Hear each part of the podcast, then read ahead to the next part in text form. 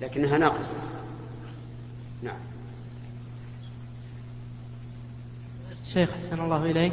إذا عم الشخص بدنه بالماء غسلا للجمعة أو لنظافة هل يجزئه عن الوضوء؟ لا. إذا اغتسل للجمعة فلا يجزئه عن الوضوء والنظافة لا يجزئه عن الوضوء. وذلك لأن غسل الجمعة والنظافة ليس عن حدث والوضوء إنما يكون عن عن حدث. الحدث أكبر؟ عن حدث أكبر يجزي يعني لو اغتسل الإنسان وعليه جنابة أجزأ عنه. لكن لا بد من المضمضة والاستنشاق غير الجنابة ما يجزي لا ربما يجزي المرأة الحائل المهم إذا كان الغسل عن حدث أجزأ عنه. وإذا لم يكن عن حدث لم يجزي هذا الضابط. سيدي فضيلة الشيخ طال الله عمرك أنا مواطن من سوريا محافظة درعا. مدينة إزرع لي سؤال وطلب. سؤالي ما الحكم في بلدنا مدينة إزرع تقسم إلى قسمين؟ قسم النصارى وقسم المسلمون. هناك قسم من المسلمون يتعاملون مع النصارى يشاركونهم بالأفراح وبالأحزان ويأكلون من أكلهم ويشربون من شربهم. وهم كذلك. وقسم يرفض. فماذا حكم الإسلام في هذه القضية؟ أولا بارك الله فيك أنا وأمثالي لا يوجه إليهم السؤال بلفظ ما هو حكم الإسلام لأننا غير معصومين. فيقال مثلا ما هو حكم الإسلام في نظرك؟ أو ما تقول في كذا؟ هذه واحدة. ثانيا بالنسبة للمشاركة مع هؤلاء إن كانت الأفراح دينية فإنه يحرم علينا أن نشاركهم في أفراحهم كعيد الميلاد أو غيره لأن مشاركتنا إياهم في هذه الأفراح تتضمن الرضا بما هم عليه من الكفر وهذا خطر على الإنسان. يقول ابن القيم رحمه الله هذا إن لم يكن كفرا فهو أشد من الرضا بشرب الخمر والمسكرات وغيرها فالمسألة خطيرة جدا. أما إذا كانت أفراح عادية أو أفراح عامة وطنية وإن كانت بدعة فهي لا تصل إلى هذا الحد. وإذا كانوا لم يقاتلون في الدين ولم يخرجون من ديارنا فقد قال الله تعالى لا ينهاكم الله عن الذين لم يقاتلوكم في الدين ولم يخرجوكم من دياركم أن تبروا وتقسطوا إليه فأمرنا عز وجل يعني رخص لنا أن نعاملهم بالبر والإحسان أو بالعدل أن تبروهم هذا إحسان وتقسط إليهم هذا عدل وعليه فإنه ينهانا أن أن أن, أن نضرهم ما داموا لم يقاتلون في الدين ولم يخرجونا من ديارهم. أما مشاركتهم هم لنا في أعيادنا فنحن أعيادنا شرعية. لا حرج عليهم أن يشاركون فيها لأنها شرعية مرضية عند الله عز وجل. ولذلك يهنئوننا في أعيادنا ولا نهنئهم في أعيادنا. أفهمت؟ طيب. أرزقني الله خمس خمسة أطباء أبنائي ومدرس شريعة وحقوق ومدرسة أدب عربي وأتيت أدب عربي وأتيت إلى هذه البلاد العامرة بعون الله تعالى محرما مع إحدى بناتي الطبيبة في مستوصف البركة الذي سيحدث حديثا. قرب الساعة. وتطبيقا لقوله تعالى وإن شكرتم لأزيدنكم. لا لا إن شكرتم. الحمد لله وضعت نفسي في خدمة بناء المساجد. وكان خلاف بيننا في ذلك البلد على قطعة أرض فاصلة بيننا وبين النصارى. هم أرادوا أن يبنوا كنيسة ونحن أردنا أن نبني مسجد. ويوجد في بلدنا إزرع كنيستان من قبل الميلاد. يؤمهم السواح من كافة البلاد الغربية. ويقدمون لهم كل التبرعات. وقد قمنا نحن بحركة بعون الله تعالى وأيدنا فيها الله بنصره ورحمه الله الدكتور عبد المجيد الطرابلسي وزير الأوقاف في دمشق الذي توفي منذ ثلاثة شهور أو أكثر. وقدم لنا ترخيصا في بناء مسجد سمي مسجد الإمام علي بن أبي طالب. صببنا القواعد ورفعنا قسما من الأعمدة. ووقفنا عند هذا الحد ولم نجد أي مساعدة. حضرت إلى هنا ومعي القرارات من الوزير والأوقاف وبطاقات التبرع. فأرجو من فضيلة الشيخ أن يقدم لنا العون إن شاء الله. والله على ما أقوله شهيد. بارك الله فيك. اللهم يسر. لا شك أن المشاركة في عمارة المساجد من أفضل القرب إلى الله عز وجل. وقد قال الله عز وجل إنما يعمر مساجد الله من آمن بالله واليوم الآخر وأقام الصلاة وآتى الزكاة ولم يخش إلا الله. وهذه تشمل العمارة الحسية والمعنوية لكن تعلم بارك الله فيك أن آه، أننا هنا محكومون بوزارة الشؤون الإسلامية. وزارة الشؤون الإسلامية إذا أعطتكم آه، تزكية في هذا الأمر فإن شاء الله سنساعد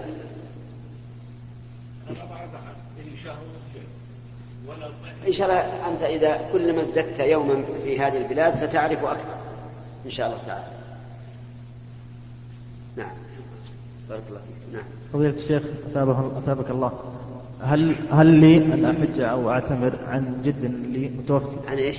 عن جد لي متوفي مع العلم أنهم من الأبناء كثير فريضة ولا نافلة؟ لا نافلة أولا بارك الله فيكم. تعلمون أن الأموات إذا ماتوا انقطعت أعمالهم. انقطعت أعمالهم. ما يأتيهم عمل صالح إطلاقا. إلا على حسب ما جاءت به الشريعة. دليل ذلك قول النبي صلى الله عليه وسلم إذا مات الإنسان انقطع عمله إلا من ثلاث صدقة جارية أو علم ينتفع به أو ولد صالح يدعو له. وانتبه إلى كلمة يدعو له مع أن الحديث بالأعمال. وجريان الأعمال بعد الموت. يقول ينقطع إلا من ثلاثة صدقة جارية يعني هو يضعه. أو علم ينتفع به يكون عالما معلما للخلق ينتفع الناس بعلمه. الثالث أو ولد صالح يدعو له. فلماذا عدل النبي عليه الصلاة والسلام؟ عن العمل للميت والحديث في سياق العمل إلى الدعاء. لماذا؟ لأنه يريد من الأمة أن تكون أعمالهم الصالحة لهم أنفسهم. فهم سوف يحتاجون إلى العمل كما احتاج إليه هذا الميت. فاجعل العمل الصالح لنفسك واهتدي بهدى نبيك محمد صلى الله عليه وسلم. ادعو لجدك يكفي عن الحج والعمرة وهو أفضل من الحج والعمرة عليكم عرفت؟ لكن ما جاءت به السنة لا بأس به مثل الصدقة على الميت جاءت به السنة. فإن سعد بن عبادة رضي الله عنه أراد أن يجعل بستانا له صدقة لأمه فأذن له الرسول صلى الله عليه وسلم. وكذلك الرجل الذي قال يا رسول الله إن أمي افتلتت نفسها يعني ماتت بغتة. وأظن أنها لو تكلمت تصدقت أفأتصدق عنها؟ قال نعم. كذلك ورد حج الفريضة عن الميت. كما في الصحيحين عن ابن عباس رضي الله عنهما أن امرأة أتت النبي صلى الله عليه وسلم فقالت إن أمي نذرت أن تحج فلم تحج حتى ماتت أفأحج عنها؟ قال نعم. فما جاءت به السنة؟ افعل بالنسبة للعمل للأموات. وما لم تأت به السنة فاعدل عنه إلى ما وجهك إليه الرسول عليه الصلاة والسلام وهو إيش؟ الدعاء. فأوصيك الآن أن تجعل العمرة لنفسك والحج لنفسك وأن تدعو لجدك ولأبيك وأمك أيضا في المواقف التي يرجى فيها إقامة الدعاء إجابة الدعاء كعرفة وصبيحة ليلة مزدلفة وكذلك عند رمي الجمرات وفي الطواف وفي السعي فهذا خير لك. نعم. طالب علم آه، مثلا التحق بهيئة تدريس. إيش؟ التحق مثلا بمكان يدرس فيه مثلا كان يكون مثلا طالب يدرس ولا يدرس؟ لا يدرس. نعم. ومثلا منطقة هو من منطقة يحتاجون إلى أشد الاحتياج. ثم طلب في نفس الهيئة هذه مدرسا. كان يكون مثلا معيد في الجامعة وكذا فما رأيك في هذا؟ في؟ في أن يكون مثلا يعني هل يأتي لجامعة أو يبقى في بلده؟ نعم. بلد تحتاج إلى أشد الاحتياج. طيب. هل إذا بقي في بلده يتمكن من آه الاستمرار في الدراسة الجامعية؟ نعم. طيب. أرى أن يبقى في بلده. لا ما إذا كان ما يوجد مثلا. ها؟ إذا كان ما يوجد مكان ما يوجد مثلا خانة جامعية في البلد اليوم لا لا قصدي يمكن ينتسب. ما يمكن ينتسب ممكن بس يا شيخ مثلا إذا انتسب. وحضر مثلا لا يلزم الجامعة أو لا؟ على كل حال يمكن الجامعة تحتاج سنة أو سنتين أو ثلاث ثم يرجع إلى بلده لكن ما دام البلد محتاجا إليه فيكون بقاؤه في البلد فرض عين. لأنه لابد أن يكون في الأمة الإسلامية من يعلمها دينها فيكون بقاؤه في البلد فرض عين إذا قدر أنه راح وبقى, وبقي هؤلاء العامة ليس لهم مرشد. فأرى أنه يبقى ويحاول أن أن يستمر في دراسته ولو عن طريق الانتساب. نعم. بعده. السلام عليكم ورحمة الله وبركاته. آخر قمنا بدفع مبلغ من المال قدره 300 ألف ريال. ونقوم بشراء سيارات سيارات جديدة ونضعها في معرض. وبعد ذلك إذا جاءنا المشتري نبيعها بالتقسيط سمعنا من أهل البلدة اللي نسكن فيها أنهم عملوا نفس العمل وأنهم استفتوك وأنك ما أجزت الشيء هذا. ما إيه. نعم. أو أولا بارك الله فيك بيع التقسيط. بيع التقسيط تارة يأتي إليك الإنسان. يقول أنا أبي سيارة. فتقول ما عندي سيارة. اذهب إلى المعرض واختر أي سيارة أنا أشتريها باسمي وأنقل الدراهم من المعرض ثم أبيعها عليك مقسطة بثمن زائد. فهمت هذه؟ هذه حرام. لا إشكال فيها. أولا لأن ال- ال- الدائن باع ما لا يملك ثانيا أنه لم يشتري هذه السيارة إلا من أجل الربا وهو أنه يبيعها عليه بثمن زائد. ولولا الربا ما اشترى. لو جاء وقال جزاك الله خير سلفني وش- اشتري السيارة لي وأنا أعطيك بعدين ما رضى. وقد قال النبي صلى الله عليه وسلم إنما الأعمال بالنيات وإنما لكل امرئ ما نوى. هذه واحدة. ثانيا يكون عند الإنسان السيارات موجودة. داخلة في الملك مشتريها اشتراء صحيحا. يأتي إليه ناس يقولون نبيك تبيع علينا بالتقسيط. فهم هذه؟ هذه لها ثلاث توجه. الوجه الأول أنه يريد أن يشتري بالتقسيط سيارة ليستعملها إما لنفسه وإما للأجرة. هذا جائز ولا أشكال فيه. ثانيا يشتري السيارة بالتقسيط ليذهب إلى بلد آخر يبيعها بأكثر. المدين اللي, اللي يحتاج السيارة يقول بشتري منك السيارة هذه بالتقسيط بخمسين ألف وهي تسوى أربعين ألف. فيأخذها منه ثم يروح يبيعها في بلد آخر السعر فيه أكثر يبيعها بخمسين نقدا هذا أيضا لا بأس به. لأن هذا نوع من التجارة. الثالث أو الصورة الثالثة أن يشتريها منه من أجل الدراهم دراهمها فقط. يشتريها منك على طول بيعه ربحت أو أو خسرت لأنه لا يريد إلا الدراهم. هذه المسألة تسمى عند العلماء مسألة التورط فمن العلماء من قال تجوز للحاجة. الإنسان إذا احتاج مثلا لزواج أو لبناء بيت أو ما أشبه ذلك لا بأس. ومن العلماء من قال لا تجوز مطلقا. وممن قال لا تجوز مطلقا شيخ الإسلام ابن تيمية رحمه الله قال مسألة التورق هذه حيلة لأن المشتري بدل من أن يقول أعطني دراهم أربعين ألف خمسين ألف إلى سنة يقول بع علي هذه السيارة وهو لا يعرف هو والبائع أيضا أنه لا يريد إلا الدراهم. فيقول شيخ الإسلام إنما الأعمال بالنيات. لكن عندي أنا في الصورة الثالثة هذه تفصيل وأن الإنسان إذا اضطر إلى ذلك ولم يجد من يقرضه يعني من من يسلف ولم يجد من يبيع عليه سلما فلا بأس. فهمت الآن؟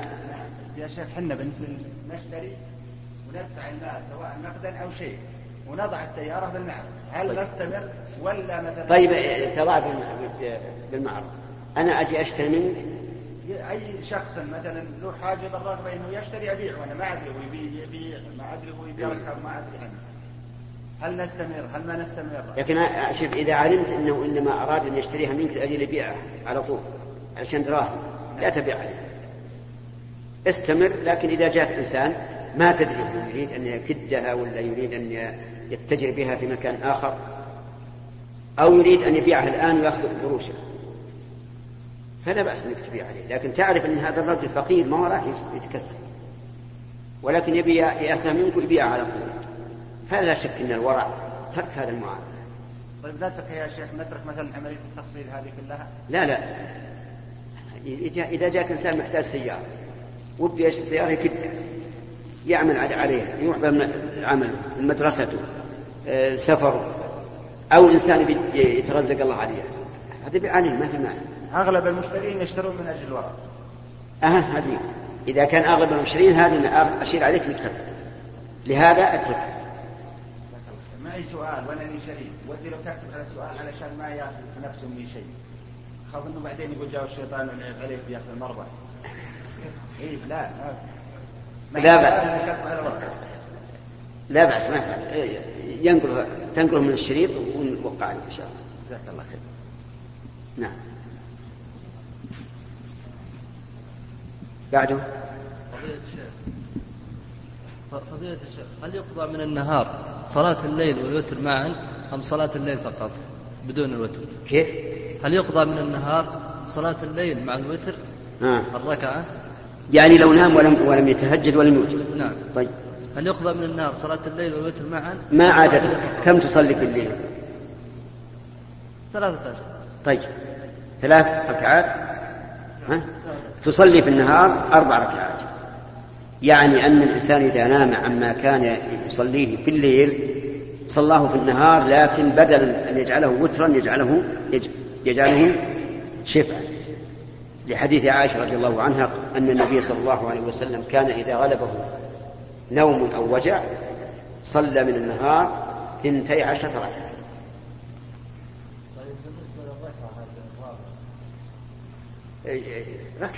ركعتين. لا لا ما هو الآن الآن صار شفعا لكن يعتبر أن الإنسان ينبغي له إذا عمل عملا أن يثبته. لقول النبي صلى الله عليه وسلم أحب العمل إلى الله أدومه وإن قل. هنا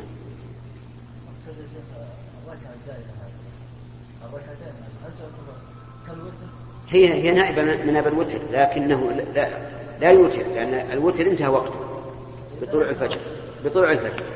فيعتبر هذه ركعتين قضى آخر سؤال. نعم. الله وبركاته إيش؟ السلام عليكم ورحمة الله وبركاته. وعليكم السلام ورحمة الله وبركاته. وأفيدك بأن السلام غير مشروع في هذه الحال. جزاك الله خير. لأنه الصحابة يسألون الرسول في مجالسهم ما يقول السلام عليكم ورحمة الله. إلا إنسان قدم يسلم لا بأس. تفضل. هناك تقسيم لبعض النسوة في المنزل. إيش؟ تقسيم لبعض النسوة في المنزل بحيث تكون واحدة من النسوة هذه مسؤولة عن البيت جميع أمور البيت. من ضمن مسؤوليات المحافظة على الأطفال.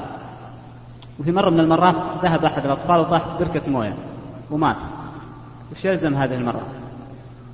لا يلزمها شيء. ما دامت ما فرطت. لا غصب عليها ما يلزمها شيء. لأن يعني هذا الصبي هو الذي قتل نفسه.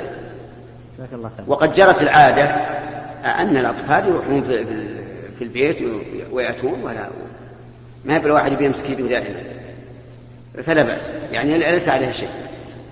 لكن هؤلاء النساء زوجات ولا أهل البيت. فيهم زوجات وفيهم أهل البيت. لا قصد الزوجات يجب يعدل بينهم. لا يخلي هذا عليها الطبخ والنف والغسيل. وإذا ما عليه إلا تقييم العشاء أو الغداء يعني ما يلزم الصوم يا شيخ. ها؟ يعني ما يلزم الصوم. أنت فهمت كلام الأخير. نعم. الزوجتين لازم تعدل بينهم. إن شاء الله إن شاء الله. طيب. أما آه، المسألة الأولى علمتك ما فيها ما عليها شيء. يعني ليس عليها كفارة. صايمة ثلاث أيام الحين. إذا شاءت تفطر. ما عليها شيء. إلا إذا كان شف إذا كانت تشوف ال- ال- البركة أمامها وتركت الصبي وراحت عنه مخلص هو أفتيت طال عمرك يعني هو قال إنك أفتيت بالصوم وصامت لكن قلت أنا لا الظاهر إن فيها شك فأتأكد بنفسي يعني جاي أتأكد بنفسي المهم أن نرى ما عليه شيء. الشيء على من فرط أو تعدى. فهل المرأة تشوف البركة أمامها وأبقت الطفل لا ما تشوفها وذهبت؟ لا ما تشوفها. انتهى ما ما فرط. كما لو مثلا قدرنا إن الطفل هذا آه، فتح الباب وخرج إلى الشارع ودعسه السيارة. يكون المسؤول اللي اللي دعسه مو هو- أهل البيت. والحمد لله رب العالمين وصلى الله وسلم على نبينا محمد وآله وأصحابه أجمعين. أيها الإخوة في ختام هذه المادة نسأل الله أن نلقاكم في لقاءات متجددة. مع تحيات مؤسسة الاستقامة الإسلامية للإنتاج والتوزيع في عنيزة. شارع هلالة رقم الهاتف والناسخة الهاتفية صفر ستة ثلاثة ستة أربعة ثمانية ثمانية ثمانية صفر والرقم الثاني صفر ستة ثلاثة ستة أربعة خمسة ثمانية ثمانية صفر ورقم صندوق البريد اثنان وخمسمائة وألف